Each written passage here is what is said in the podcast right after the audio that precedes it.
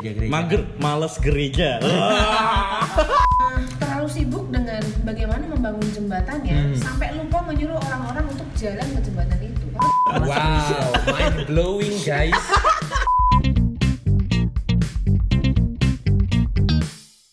Oke, shalom semuanya. Salam. Shalom. Hey, selamat datang di episode 2 dari Serawung Podcast. Oke. Wow, episode 1 produktif kalau misalnya sekali. dengerin kalau misalnya dengerin dari awal kemarin sudah dijelaskan apa itu Serawung Podcast tapi to make it short Serawung Podcast lahir dari kegiatan Serawung dari youth youth leaders di gereja-gereja dan ministry yang ada di Jogja yang sering serawung bersama dan kami ingin membagikan konten-konten yang berasal dari pengalaman-pengalaman insight-insight tentang pelayanan-pelayanan di eh, khususnya pelayanan anak muda ya. Yap, yap. Oke, dan di sini masih sama formatnya, komposisinya dengan episode pertama ada siapa aja? Ada Yoyo Ada Soya eh. dari mana sih? dari kalau eh, apa ya? Komunitas Messenger. Oke. Tapi kalau bergereja di GB Miracle Service. Oke, yang kedua Ada EL dari Fire Community Jogja dari di eh, dibawahi oleh gereja gereja Kristen Kemah Daud Yogyakarta. Oke, dan satu lagi ada mbaknya. Saya Tian dari @yesisindo di follow ya. Oke, siap. Kalau mau curhat-curhat boleh dia si Sindo. Enggak boleh. Oh, nggak boleh surat ya? Nggak boleh. Tidak Nggak boleh. curhat. Tian akan dengan senang hati membantu. Install aplikasi dan share pengalamanmu sehingga Cari orang dapat pertanyaan-pertanyaan yang susah-susah tuh loh. Oke. Dan saya Noel dari GB Miracle Service Influence Generation Jogja. Oh. Oke, dan hari ini kita akan membahas topik yang kemarin ada risetnya yang baru saja muncul. Ini secara statistik juga cukup meresahkan kita dan cukup jadi pergumulan mungkin Harusnya. beberapa generasi. Ya harusnya. ini basic aja ya, nggak usah yang dalam-dalam. Tapi masalah ini sebenarnya perlu banget buat diomongin dan dipikirkan secara Betul. matang. Yaitu kenapa banyak anak muda yang males untuk datang ke gereja. Ini masalah udah dari zaman kapan ya sebenarnya? Oh, atau kita panggil gereja palsu ini supaya risetnya lebih Ini mau mention sendiri. Apa. Oke oke oke. Oke, lanjut. Oke oke oke. Balik lagi tadi. Mas mas tukang kaos ya bang. Oke.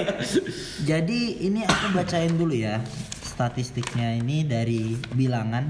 Teman-teman kalau misalnya belum tahu apa itu bilangan, bilangan itu adalah lembaga riset Kristen.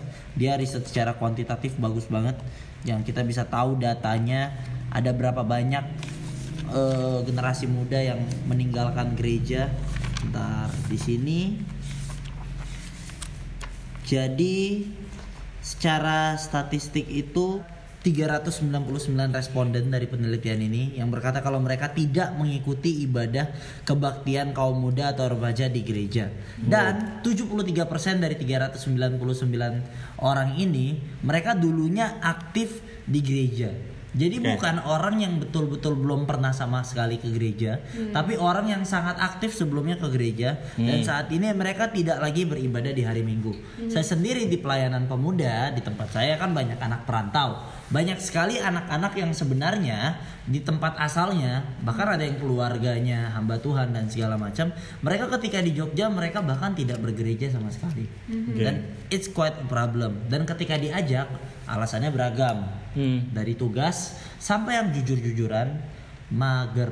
Atau malas aku malas gereja-gereja. Mager, gereja. mager.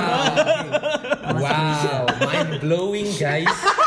dan yang cukup mengagetkan lagi dari penelitian tadi 37% persentase yang paling besar terakhir kali ke gereja secara rutin. Ayo tebak usianya berapa Hmm, kapan ya?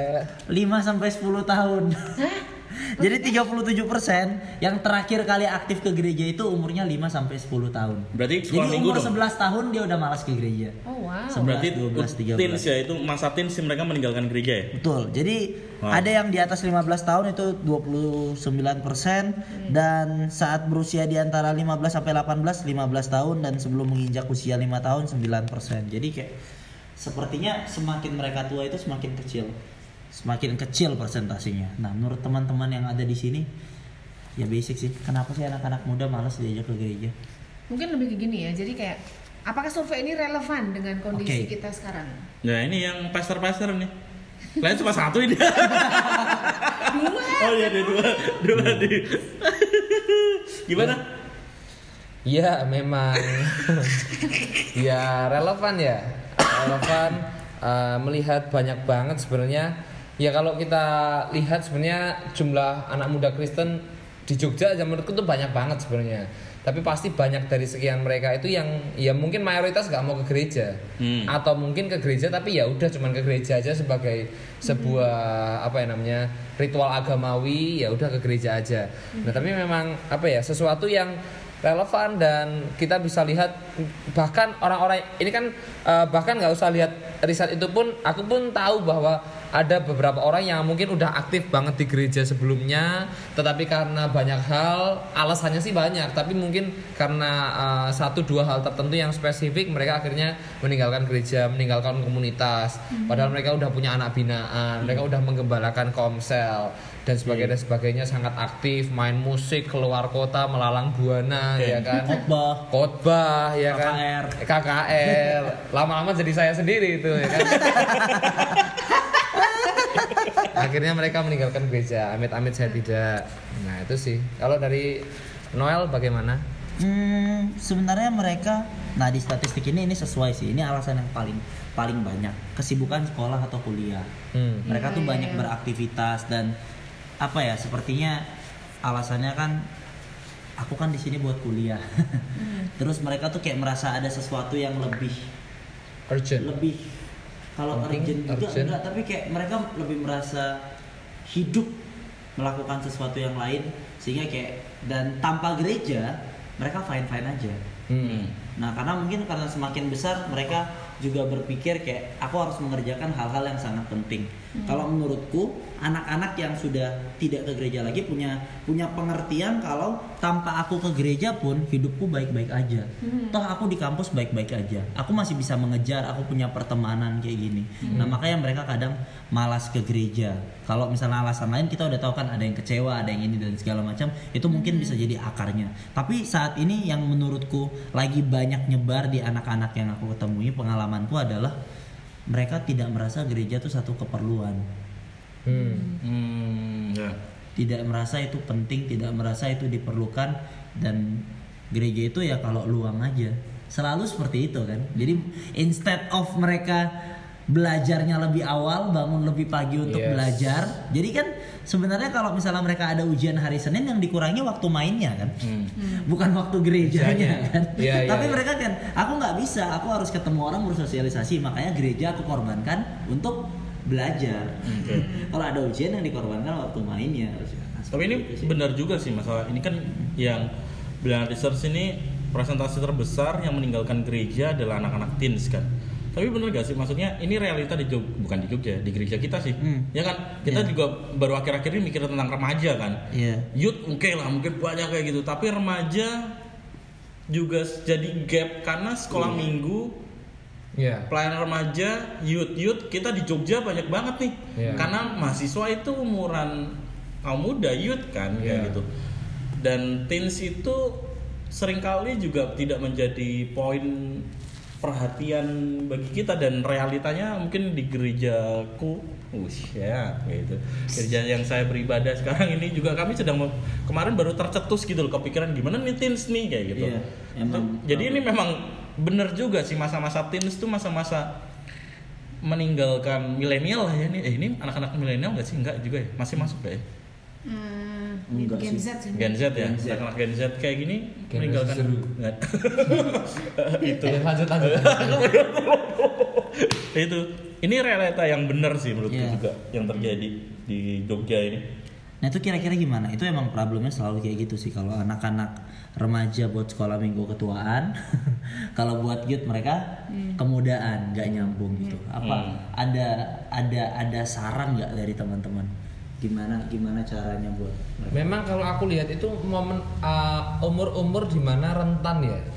ya kan kayak mereka pasti pengen cari kehidupan mereka. Aku jadi apa? Lalu aku pengen cari temen yang cocok. Nah, memang menurut aku kalau gereja tidak bisa istilahnya bukan mengubah esensi tapi mengubah cara, mengubah kemasan, menurut aku kayaknya banyak anak-anak muda atau teens pelajar yang akan meninggalkan gereja. Iya. karena memang mereka itu di umur mereka sedang mencari sesuatu gitu loh bukan udah bu- identitas mereka belum kokoh gitu loh tapi mereka Butuh banyak gimmick lah ya. butuh banyak gimmick istilahnya betul sekali ya kan? Dan kalau gimmicknya wagu pun aneh. Awkward. malah pergi lagi jadi memang harus harus Contoh gimmick yang awkward. ya sudah lah ya. Tidak usah dibahas. Dibahas. Itu dre- dress code batik.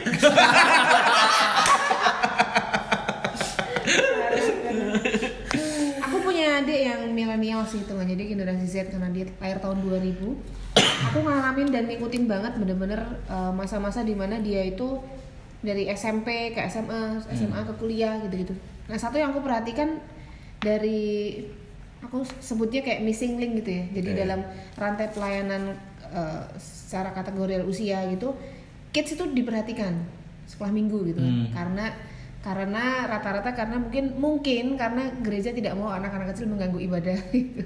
Jadi maksudnya mendapatkan perhatian yang ekstra kids.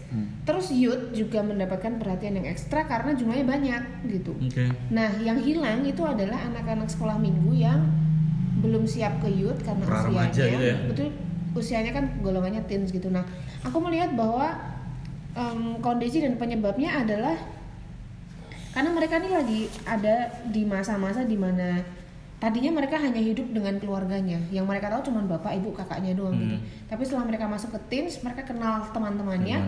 Nah ada rasa ingin diterima oleh orang lain. Oke. ada rasa ingin diterima oleh orang lain selain orang tuanya. Hmm. karena orang tuanya pasti menerima dia kan? Jadi itu kayak aku ngelihat dari adikku sendiri sih ya, ada ngerasa kaget gitu. Padahal dia tuh nggak kurang nggak kurang kurang penerimaan dan Hmm. kasih sayang di rumah gitu cuman waktu dia mulai beranjak teens gitu ya terus dia merasa di satu komunitas ko- apa persekutuan remaja gitu ya dia merasa nggak diterima di sana Oke. "Oh, ternyata aku bisa juga ya ditolak gitu Oke, selama ini aku merasa aku diterima Shock. terus sama sama semua orang di rumahku gitu pas aku pergi ke komunitas remaja kok nggak ada yang ngajak aku ngomong kok Oke. kok bajuku nggak sebagus dia gitu dia merasakan Oke. penolakan dan di situlah dia aku merasa kayak anak-anak tenis ini kelabakan dalam kelabakan ya bener-bener kelabakan mencari satu tempat di mana dia itu merasa diterima dengan kondisi dia Hmm. Padahal, padahal nih ya kelemahannya adalah setiap anak teens yang berusaha diterima, ketika dia sudah merasa diterima, dia akan cenderung menolak orang lain yang tidak sama dengan dirinya. Jadi sebenarnya yang Oh. tidak menerima, kenapa banyak anak teens ngalamin keter- ketertolakan? Yang nolak tuh sebenarnya bukan orang yang usianya lebih di atas dia, tapi teman-teman sebayanya. Gitu. Hmm. Iya. Oh. Jadi banyak anak teens tidak mau ke gereja karena merasa ditolak oleh teman-teman sebayanya. Oke. Jadi mau ya nggak tahu ya ini perspektifku ya. Mau mentornya tuh baik, mentornya jago, mentornya Hmm. care gitu ya. Tapi kalau dia merasa teman-temannya nggak terima dia itu tetap susah sih. Males banget gitu ya. Iya kayak karena dia merasa kok aku Beda. ditolak ya, kok aku beda ya Oke. gitu. Berarti mau nggak mau culture-nya di anak-anak di gerejanya itu yang harus dibangun. Betul. Itu yang pengen aku ngomong soal Hmm, culture. Itu sih. Benar tadi kalau dibilang soal kategorial, aku jadi ingat tentang pelayanan kategorial. Jadi sepertinya gimana caranya kita bisa membentuk anak-anak yang dari kecil, dari sekolah minggu, supaya mereka growing itu ada culture yang tadi yang kita Ya. bicarakan itu loh. Jadi mereka bisa menerima satu sama lain.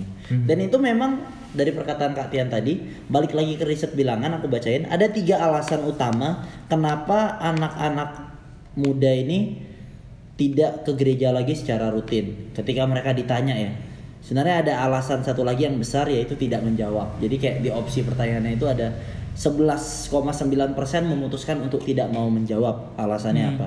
Nah, kesibukan sekolah itu yang paling tinggi. Yang kedua adalah membosankan. Dan yang ketiga tadi tidak punya teman di Hmm. gereja. Itu salah satu alasan utama kenapa mereka tidak bisa. Ya seperti nggak nyambung aja bayangin kan kayak kita cuman datang tidak bisa masuk ke dalam circle-nya. Iya. Hmm. Nah itu gimana menurut kakak-kakak untuk apa ya? Untuk membuat seseorang tuh bisa langsung merasa bisa diterima di dalam circle gereja itu gimana sih? Aku sih dari pengalaman beberapa bah- beberapa anak-anak yang apa ya sering share sama aku juga kayak gitu. Bagiku hubungan di di dalam itu memang ber- perlu dibangun gitu. Relasi di dalam komunitas teens, komunitas anak muda tuh perlu dibangun antara yang leadernya dengan anggota bahkan anggota dengan anggota juga yang tadi akhirnya temen gitu. Itu perlu dibangun gitu. Karena ada beberapa yang akhirnya mereka meninggalkan gereja mereka cerita segala sesuatunya karena ya mungkin ada kayak kelompok kecil mereka ada di dalam gereja kan kadang-kadang ada kelompok kecil kayak cell group, fresh tempat kita kayak gitu-gitu kan. Selain ibadah umum kayak gitu. Mereka di kelompok kecil tetapi di luar kelompok kecil mereka tidak punya hubungan personal gitu loh jadi dalam kelompok kecil oke kita bahas Oh, bahkan kelompok kecil aja belum tentu menjamin ada hubungan personal. jadi- hubungan personal. Jadi di kelompok kecil itu oke kita bahas bahas apa materi di situ kita sharing. Tapi setelah itu mungkin pemimpinnya atau teman-temannya tidak pernah cerita, tidak pernah tanya nih anak nih anak kos kan misalnya gitu kekurangan odol atau enggak atau kayak gitu masalah-masalah sepele tapi bagiku odol. kurang odol atau kurang sabun kayak gitu atau gimana nggak bisa makan siang dia malam juga cuma makan mie doang. Pertanyaan-pertanyaan kayak gitu relasi-relasi seperti itu tidak dibangun di luar kelompok kecil dan mungkin juga di ibadah youth misalnya kayak gitu. Di ibadah youth mungkin oh sih hello dah dah dah. tapi di hari Senin Selasa mungkin hari Rabu ada kelompok kecilnya kayak gitu mungkin kita bisa cerita. Tapi ceritanya ada cerita materi materi kelompok kecilnya itu kayak gitu. Tapi mungkin boleh sharing boleh kesaksian segala sesuatu. Tapi di luar itu kayak tidak ada hubungan personal bagiku apa ya? Kayak tadi mereka nih baru keluar dari zona keluarga yang begitu dekatnya relasi dengan orang tua dengan kakak adik mereka bisa curhat seperti apa pun. Hari-hari mereka diperhatikan mereka masuk ke komunitas gereja tapi mereka tidak merasakan apa yang ada di dalam rumah. Akhirnya mereka eh ngapain aku di gereja? Aku lebih lebih diperhatikan di rumah ya nggak usah ke gereja aja. Nah kayak gitu yang yang apa ya perlu diperhatikan kita sebagai leader juga gitu. I- bagiku ini juga apa ya mau nggak mau ini pengembalaan gitu loh. Kita harus memperhatikan mereka sampai detail kehidup ya nggak sampai detail juga sih. Sampai benar-benar mereka merasa komunitas baru kita komunitas yang akan eh komunitas baru ini adalah komunitas yang seperti di dalam rumah juga. Feel home gitu loh. Padahal menurutku itu penting banget karena misalnya ya berkaca kepada apa yang aku lakukan kan eh, anak-anak muda di gerejaku itu kan kebanyakan anak-anak perantau. Ya sama lah. Kita kan banyak kebanyakan anak-anak perantau. Dan mayoritas mereka itu sebenarnya bukan orang-orang yang punya. Orang-orang berada. Ada beberapa di antara mereka yang kayak punya lalu udahlah hidupnya sendiri aman dan nyaman misalnya gitu. Tapi banyak banget di antara mereka itu yang ya kadang-kadang makan siang itu Nah. nggak punya dan sebenarnya kelihatan kok sebenarnya orang-orang kayak gitu tuh kelihatan begitu ada misalnya di pulang gereja makan fellowship gitu Ya, kan ya. Ada ikut. ada yang nggak mau ikut nggak mau pesan makan. Itu Ya, udah ya, kelihatan. ya, ya. itu bukan karena udah makan guys. Ya, ya, orang bangun telat langsung ke gereja. Ya benar itu mereka butuh dibayarin. Yoi. dan itu menurut aku ya aku eh, ada puji Tuhan ada beberapa orang yang selalu care dan peka untuk udah nggak apa-apa pesen aja Ya. tak bayarin. Itu tuh kelihatan gitu Ya. dan buat aku hal-hal yang obvious kayak gitu ya udahlah kita kalau kita mampu ya kita sediakan kayak gitu. Kalau seandainya kita lagi kurang ya belilah masak masak di kos atau masak di mana itu jauh lebih hemat. Tapi kan mereka setidaknya terbantu dan tertolong gitu Ya, loh. betul betul. Betul. betul banget. Jadi kita harus belajar lebih peka sih sebenarnya. Yes. Nah Iya. itu sih agak tricky sebenarnya karena memang kita sendiri ya kalau posisi kita bukan di pastoral tapi sebagai anak muda untuk bisa masuk ke dalam orang lain itu kan pasti ada sesuatu yang harus kita break dulu kan Iya. ke awkward dan itu kan biasa kita sungkan-sungkan kan mau mau nanya orang kamu Hmm. kenapa apa kabarnya gimana nah mungkin kesungkanan itu yang dari teladan mentor dari kultur sekitar orang-orang itu yang bisa bisa bisa diredam gitu loh sehingga kita sama-sama bisa saling mengayomi kayak gitu. Mhm. Aku mau nimpali yang Mas Yoyo bilang soal hubungan personal tadi. Jadi kenapa hubungan personal ini sangat penting? Ya karena itu kebutuhan setiap manusia, men. ya ya Ada sebuah kebutuhan jauh di dalam jiwa manusia tuh di mana dia tuh pengen terhubung dengan orang lain gitu. Dan itulah yang Yesus lakukan juga sih, Ya. karena Allah turun ke dunia itu dalam rupa Yesus supaya Allah tuh terhubung dengan manusia gitu. Jadi manusia Ya. kembali hubungan kembali pada hubungannya dengan Allah yang semula gitu. Dan dalam setiap diri manusia tuh ada ada sebuah uh, kebutuhan, ada sebuah kayak jiwanya tuh craving for connection with Ya.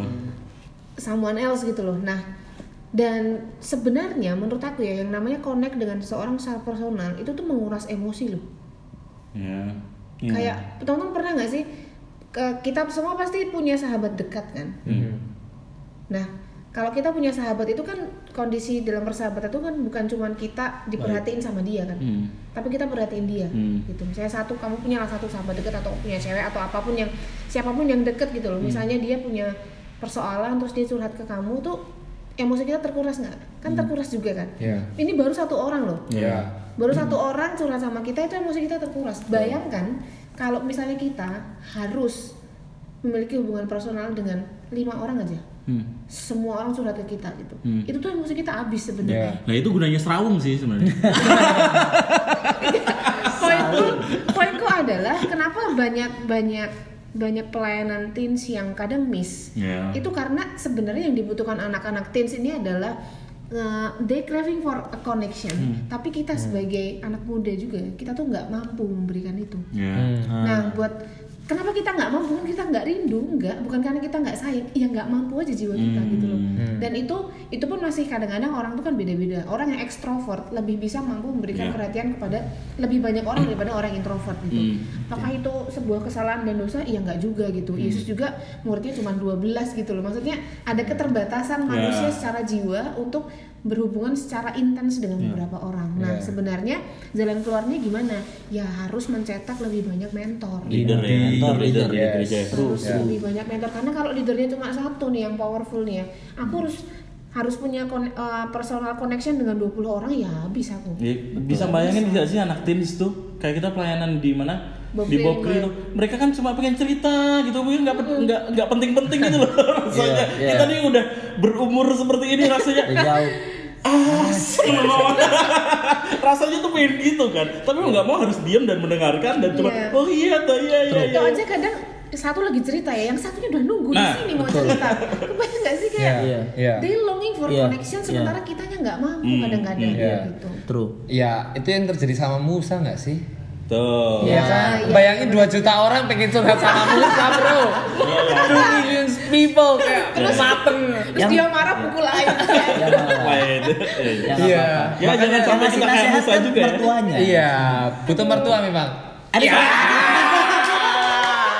iya wih, rilis dulu rilis dulu ini siap silakan antri di sebelah kanan Oke podcast podcast next episode butuh mertua. Iya kita kan udah mau velvet Oke jangan Oke eh, ada satu insight bagus sih dari Pastor How Kadang itu kita kan memilih Eh, saya Pastor House siapa? Pastor Jelasin. Pastor bagaimana? How's your day? lupa lupa lupa lupa aku terlalu kepikir ke ide Pastor How itu dari Heart of God Church Singapura Oke. dia salah satu gereja yang cukup unik kenapa karena average usia rata-rata kehadiran di gerejanya itu kalau di Indonesia biasa berapa 30 Iya. 40 kan jadi kalau usia paling rendah sama paling tinggi itu di tengah tahu nggak usia rata-rata gereja dia berapa 12 tahun Wadaw. Wow. Silakan dicari Heart of God Church Singapura. Dan dia emang betul-betul bilang saya 40 tahun tapi di gereja saya saya udah dinosaurus. Nah, kita pikir cara untuk melayani Ah. anak-anak muda itu itu kita mengutus orang sepantaranku, kamu pegang teens. Mas Yo nanti pegang teens. Jadi orientasi dia nggak ke sana. Dia memuridkan satu generasi di bawah dia. Generasi yang di bawah dia akan memuridkan satu generasi di bawah dia. Hmm. Jadi leadernya anak-anak yang umurnya misalnya katakan tadi 9 tahun, itu anak-anak 10 tahun. Buh. Anak-anak 10 tahun dimuridkan langsung ke anak-anak 12 tahun. Dan itu akan tangga, tangga, tangga, tangga, tangga terus. Jadi Pastor How ini yang udah 40, dia nggak perlu tahu, ya tahu sih maksudnya nggak perlu yang sangat in depth sama anak-anak yang 8 tahun. Anak 8 tahun itu kebutuhannya dan sangat relate sama pemimpin-pemimpin dia yang 10 tahun. Jadi instead of anak-anak teens kadang kita pikir kita cuma datang, kita akomodasi ibadah mereka, mereka cuma datang aja sebenarnya orientasi kita tuh bukan cuma apa ya. Ini mentor aku sih Kak Andre yang bilang. nggak cuma bikin mereka buat datang ibadah, tapi bisa nggak mereka nanti menggembalakan orang juga. Hmm. iya iya iya Nah, itu sih. Tapi bisa membayangkan um, anak usia 13, 14 me- memimpin anak yang usia 12 itu kayak luar biasa banget loh. Betul. Karena dengan semua apa ya? Keterbatasan. keterbatasan, gonjang di jiwanya itu kan nggak gampang gitu. Tapi kalau memang berhasil itu sesuatu contoh yang luar biasa Itu banget satu sih. hal yang luar Iya, biasa. Effort yang luar biasa itu. Heart of God Church di sini. Perlu dipelajari sayangnya Singapura lagi ditutup. Iya, iya, iya. Oke. Jadinya seperti itu. Nah, biblical reasoning ada di antara STH STH Iya. ini. Teologram, teologram, teologram ini, Teologram, teologram, Kita kan mau baca yang di sini tadi janjiannya. Katanya sola scriptura. Oke. Wow. Bentar. Tapi menarik loh soal tadi kita singgung sedikit soal pelayanan kategorial kan. Aku melihat ada beberapa pelayanan gitu ya, pelayanan ya entah itu gereja atau bukan yang yang tidak mengakomodasi secara cukup pelayanan kategorial usia ini maksudnya gitu. Hmm. Jadi rasa-rasanya satu sermon cukup buat semua usia gitu. Iya. Akhirnya pada akhirnya itu uh, akan membuat justru maunya connect tapi malah terjadi disconnected di mana-mana. Iya, iya. Nah, ada perspektif nggak soal pelayanan kategorial ini gimana? Saya ambil kopi dulu. Layanan kategorial. Ya gimana ya kalau misalnya sistem ibadahnya sih paling yang paling konvensional itu kan sekolah minggu. Ya. Naik satu ada Hmm.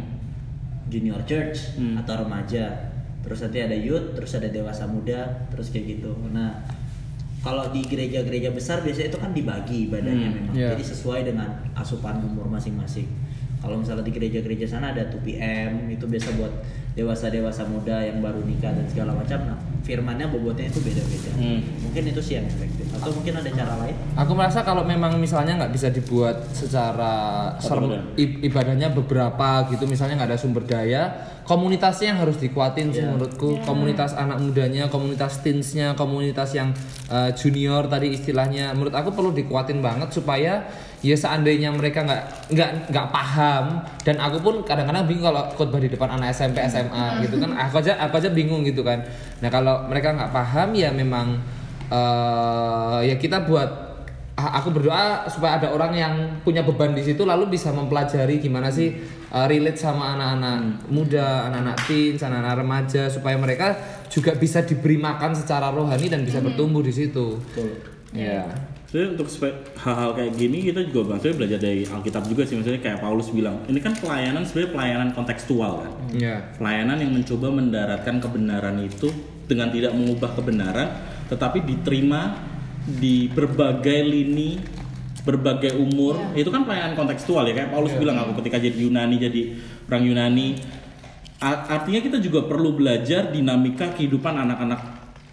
Apa ya dalam pelayanan kita harus memang harus belajar ya dinamika anak-anak umur segitu tuh seperti apa gitu. Dan kita harus rela. Bagiku kehidupan Yesus pun itu menggambarkan gitu. Nah, aku dulu suka selalu bilang dia yang dari Kairos masuk ke dalam Kronos gitu. Ya lo bayangin bayangin ya. Maksudnya gini. Dia yang Allah suci yang sempurna seperti itu dia tuh peduli dengan dia tuh peduli untuk masuk ke dunia manusia gitu loh. Terbatas. yang terbatas Filipi. ini mantok-mantok ya kopinya ya? Kopi, kopinya enak. Kopinya enak ya? dan kebenarannya luar biasa. wah siap. Bagi teman-teman yang mengidap GERD juga. Semangat. Ya itu. Akhirnya maksudnya kita juga harus butuh satu perjuangan diri kita. Perjuangannya belum tentu kita yang apa ya? Kita yang kita yang menjadi atau kita juga perjuangannya adalah mencetak pemimpin-pemimpin tadi gitu loh. Jadi mau nggak kita peduli juga sih peduli juga karena bagi kita passion eh, passion semangat kita itu yang memampukan kita untuk melayani anak-anak ini gitu loh Mhm. Ya. Kalau bicara konteks atau biasanya istilah sekarang kan relevan. oh, iya- oh iya itu ya Nah, sebenarnya ini ada ada dua sisi hmm, ada ada ekstrem kan ekstrem kiri sih. Hmm. Maksudnya ada orang yang tidak peduli dengan jembatannya, Hmm. tapi yang penting pokoknya sampai ke tujuannya gitu. Jadi jembatannya kayak nggak nggak dipikirin baik-baik. Misalnya ada dua pulau gitu ya, nggak nggak terhubung nih pulaunya terus mau bangun jembatan. Ya jembatannya seadanya pakai tali aja orang-orang suruh jalan gitu. Hmm. Yang penting sampai di sana gitu. Itu ekstrem kanan misalnya. Nah ekstrem satunya adalah kita pikirin dulu nih jembatannya dibikin yang gede, jembatannya dibikin yang nyaman, mahal nggak apa-apa gitu. Nah pada akhirnya eh, terlalu sibuk dengan bagaimana membangun jembatannya Hmm. sampai lupa menyuruh orang-orang untuk jalan ke jembatan itu karena Iya. terlalu lama bangun jembatannya. Atau jembatannya sudah dibangun sangat bagus, saking bagusnya orang nggak mau pergi ke pulaunya selfie di jembatan di jembatannya main-main di jembatannya padahal tujuan utamanya adalah supaya kita tuh sampai ke, ke Tujuh. pulau itu gitu dalam hal ini sebagai murid Kristus kita dipanggil ya disciple called to disciple. Ya. Setiap murid Kristus dipanggil untuk memuridkan. Artinya undangannya adalah supaya anak-anak muda ini adalah jadi murid Kristus gitu. Iya. Nah memang susah sih, tapi bisa nggak ya kita sebagai uh, leaders mungkin orang-orang yang diberi kepercayaan uh, jangan ada di ekstrim kanan maupun di ekstrim kiri. Jangan jadi orang yang ya udahlah yang penting sampai gitu. Gimana caranya? Jadi nggak peduli sama caranya, atau terlalu peduli dengan caranya gitu. Jadi bisa nggak kita naruh itu uh, kayak taruh itu di tempatnya yang benar Ya. supaya ya dalam tuntunan Roh Kudus juga ya Ya. supaya kita semua bawa orang tuh jadi murid Yesus gitu. Dan pelayanan remaja, pelayanan kayak gini butuh ekstra sabar sih. Betul, betul. Karena apa ya? Kita tuh sering kali tidak bisa melihat buahnya saat itu gitu. Yes. Iya. Dan kemungkinan nggak muncul saat itu. Dan kan juga, tapi aku selalu percaya gitu loh bahwa orang yang sudah mendengarkan Injil segala sesuatu itu kayak tertanam dalam jiwanya Iya, iya. dan suatu saat akan muncul Ya, benih kan, Mas. benih kayak gitu. Betul. Dan benar-benar ekstra sabar gitu loh. Ya, Ya, harus berkaca sama Kristus juga, dia sabar sama kita kayak gitu. Itu yang menguatkan kita sih mau nggak mau. Soalnya kita handling jiwa-jiwa kan. Kadang kita terjebak di pemikiran yang ngerush kita untuk dapat target nih. Anak ini dalam segini nilainya harus jadi segini habis ke gereja dan harus yang bla bla bla bla. Harus bisa ini ini ini ini ngebelah laut merah lah dan Ya, Pengurapan apa itu? Tapi kayak biasanya ya, Kak, berarti tadi ya kasih target itu yang juga kita harus bersabar ya dan sabar.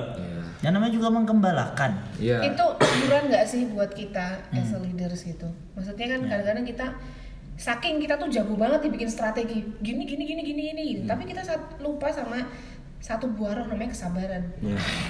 Ya, ya. Ya sih? Kalau buah roh itu kan sesuatu yang kalau Roh Kudus tinggal dalam kita ya pasti ada buahnya gitu. Yes. Salah satunya kesabaran gitu. Nah, kadang-kadang waktu kita minta sama Tuhan kesabaran, yang dikasih sama kita itu malah hal-hal yang bikin kita gak sabar. Terus Iya betul, ya yang betul. Bikin Anda lu menggigit ngerush. oh, lidah dan gigi, menggertakkan gigi karena jengkel gitu. Cuman ya jadi itu kayak sebenarnya pedang bermata dua ya. Iya. Menajamkan mereka dan menajamkan kita juga. Betul sekali ya. Oke, balik tadi biblical reasoningnya Ya tadi udah. ayatnya. Ayatnya banyak tadi tersebar, tersebar di mana-mana. Oke oke oke oke. Jadi jadi itu itu tadi tentang gereja itu gimana? Nah sekarang buat ke anak-anak muda, apa sih yang harus kita mungkin yang dengerin banyak youth youth leaders ketika mereka nanya pasti kan akan bilang ketika kita ajak kak aku malas ke gereja. Kenapa sih aku harus ke gereja? Nah jawabannya itu gimana? Kalau aku secara pribadi memang ya banyak sih alasan sosial bahwa manusia manusia sosial dan sebagainya di luar ya kadang-kadang jahat lah apa dan sebagainya dan sebagainya. Ya aku secara pribadi kan memang cukup uh, ada beberapa jangkauanku tidak seluas itu karena ada 350 400 anak-anak muda yang nggak mungkin aku kayak handle satu persatu. Jadi tapi karena aku punya kesempatan untuk sharing di sermon ya kan dan aku akan uh, bilang gitu loh bahwa gereja itu bukan sesuatu yang pilihan sebenarnya menurutku. Karena Yesus datang soalnya dia bangun gereja. Dan kalau kita uh, lihat di kisah para rasul setelah revival terjadi 3000 orang diselamatkan apa yang terjadi? Cuma Jemaat gereja. Jadi iya iya. gereja merupakan gaya hidup ilahi gereja mula-mula dan itu yang harus dan memang kita uh, didesain untuk bertumbuh di dalam gereja. Istilahnya kalau aku pinjam kata-katanya papaku tuh nggak ada rembo rohani itu nggak ada. Rembo rohani. rembo rohani itu nggak ada yang datang ke, ke ladang musuh terus tembak-tembakin semua tuh nggak ada. Kita tuh butuhnya ya itu super tim ya kan? Kita bangun bangun tim yang kuat kita jadi satu keluarga kita dimuridkan kita memuridkan di situ. Jadi memang aku selalu memberikan kesadaran sih sama teman-teman anak muda bahwa gereja itu penting ya kan? Gereja itu penting dan istilahnya kalian lagi pengen main-main di dunia jangan pernah main-main sama iblis karena iblis gak pernah main-main sama kalian istilahnya kayak gitu. setiap kali dia punya kesempatan buat hancurin ya hancurin beneran gitu loh. Iya. dan gereja adalah tempat di mana kalian bisa kembali pulang eh, apa namanya disehatkan kembali. Itu sih kalau dari aku. Masuk. Oke ya, aku selalu juga bilang sama anak-anak yang ada di bawah pentingnya bergereja karena aku di misi jam misalnya kayak gitu ya. Mereka dari berbagai gereja, tetapi aku juga selalu nekanin dengan berbagai eh dari perspektif misalnya pandangan gereja, doktrin sebagai seperti apa. Tapi yang aku butuhkan ada rasa saling sih. Dalam komunitas komunitas Kristen kayak itu gereja dalam bentuk apa pun ya maksudnya gereja ada yang home church kayak segala sesuatunya kayak gitu. Rasa saling di situ gitu loh. Di mana mereka tuh bisa saling dinasihati, saling ditegur, saling dididik, didisiplin segala sesuatu, saling bisa melayani, ya kayak gitu kan. Di dalam gereja nih jangan jangan pikir kita tuh melayani malah hanya melayani Allah tetapi sebenarnya kita juga melayani sesama. Fokus kita dan untuk pelayanan kita tuh arahnya ke manusianya kan. Kayak gitu. Kita mela- saling melayani di situ dan kita nih butuh untuk hal seperti itu gitu loh. Jadi kita harus pentingnya untuk ada dalam komunitas Kristen gereja segala sesuatunya kayak gitu adalah rasa saling sih aku penekanan di situ. Dan di situ juga kita bisa apa ya uh, belajar kebenaran firman di situ juga karena sering kali kita mungkin maybe bisa belajar sendiri. Tetapi sering kali kita tidak punya apa ya tidak punya guidance tidak punya saling bertukar pikiran. Ya. itu bisa berbahaya. Kayak gitu. Nah itu penting-pentingnya ada kita dalam gereja dalam komunitas Kristen kayak gitu. Oke, latihan. Kenapa harus gereja? Kalau aku sih prinsipnya sebenarnya sederhana sih itu yang Kak Andre ingetin kemarin pas kita uh, meeting serawung kemarin ini. Hmm. Andre tuh ingetin satu ayat di kejadian dua atau tiga kalau nggak salah. jadi dua Allah bilang "Man- tidak baik kalau manusia itu seorang diri saja dan itu bukan soal pernikahan aja tapi kayak eh, anak-anak Allah itu memang didesain untuk hidup bersama dengan anak-anak Allah lainnya Yes. makanya di Yohanes 17 Yohanes bilang kan kalau mereka jadi satu di situ kemuliaan Allah akan terpancar. Betul. Allah kita ini Allah Tritunggal gitu. Allah Yoi. yang satu tapi tiga. Allah yang Pribadi. tiga pribadi tapi satu kesatuan gitu. Artinya eh, nggak ada ceritanya orang percaya bisa hidup sendiri gitu. Kayak kak aku kenal Tuhan sendiri aja kak di kamar dalam tuntunan Roh Kudus itu nggak bisa cuy. Even seorang teolo- dokter teologi D S3, S4 apa pun dia butuh untuk hidup bersama dengan orang percaya lainnya gitu. Ya. Kalau mungkin kata gereja gitu ya kan banyak orang yang kayak dalam tanda kutip kalau boleh kasih istilah kayak alergi gitu ya sama gereja gitu. Hmm. Karena mungkin pernah ada yang menyakiti dia dalam gereja dan sebagainya dan sebagainya. Ya. Dan aku kenal juga beberapa orang yang benar-benar anti banget sama gereja kayak Hmm. aku nggak percaya lagi sama gereja gitu, bikin komunitas di luar gereja. Menurutku kayak emang ada gereja yang sempurna? Ya. Yep. Nggak ada. Kalau Spurgeon kan pernah bilang kalau kita berusaha menemukan gereja yang sempurna kita tidak akan pernah menemukannya Yes. sama sekali. Ya. Even kamu coba buat komunitas sendiri pun pasti nggak Iya, sempurna. sama aja. gitu. nggak ada solusinya kita pergi dari satu gereja untuk cari gereja yang yang nggak punya kelemahan itu kamu akan ketemu dengan kelemahan, Kelemahan yang, yang lain, lain. gitu Iya.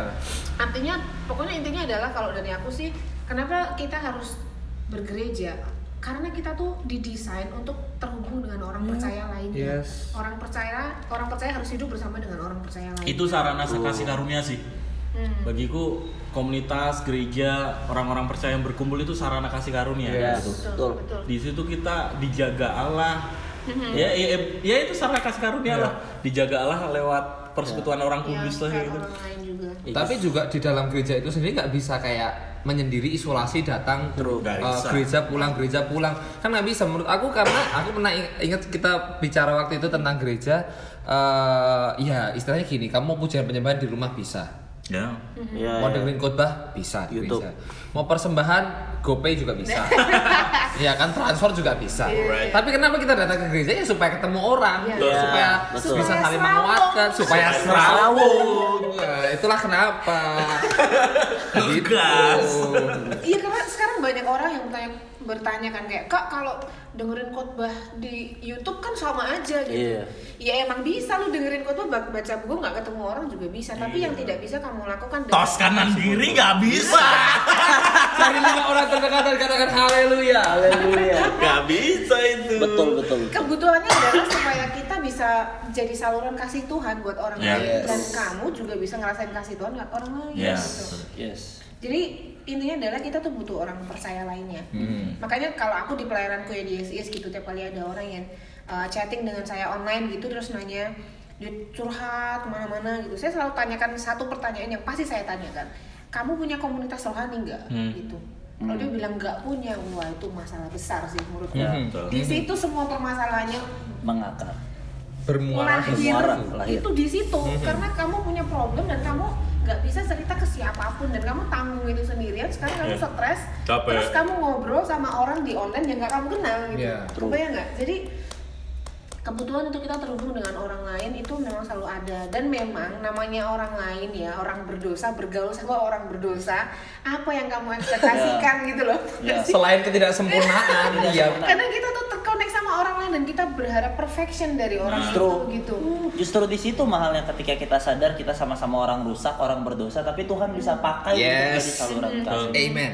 Oke, jadi untuk merangkumkan, sebenarnya kalau aku sendiri dari tadi alasannya udah banyak, tapi pada intinya kita tunjukkan kalau gereja bukanlah salah satu pilihan. Yep. Gereja adalah kebutuhanmu. Persekutuan adalah salah satu kebutuhan. You need it. Kamu akan memerlukan itu. Oke, sepertinya udah banyak banget insight ya. Dan terakhir nih, salah satu pertanyaan. Kalau pindah-pindah gereja gimana? Waduh, Nafasnya udah panjang. kenapa pindah? Itu gunanya serawung. nanya. Pindah-pindah gereja. Itu gunanya serawung. Ya Noel silahkan menjawab karena berarti kita bertiga cukup vokal ya.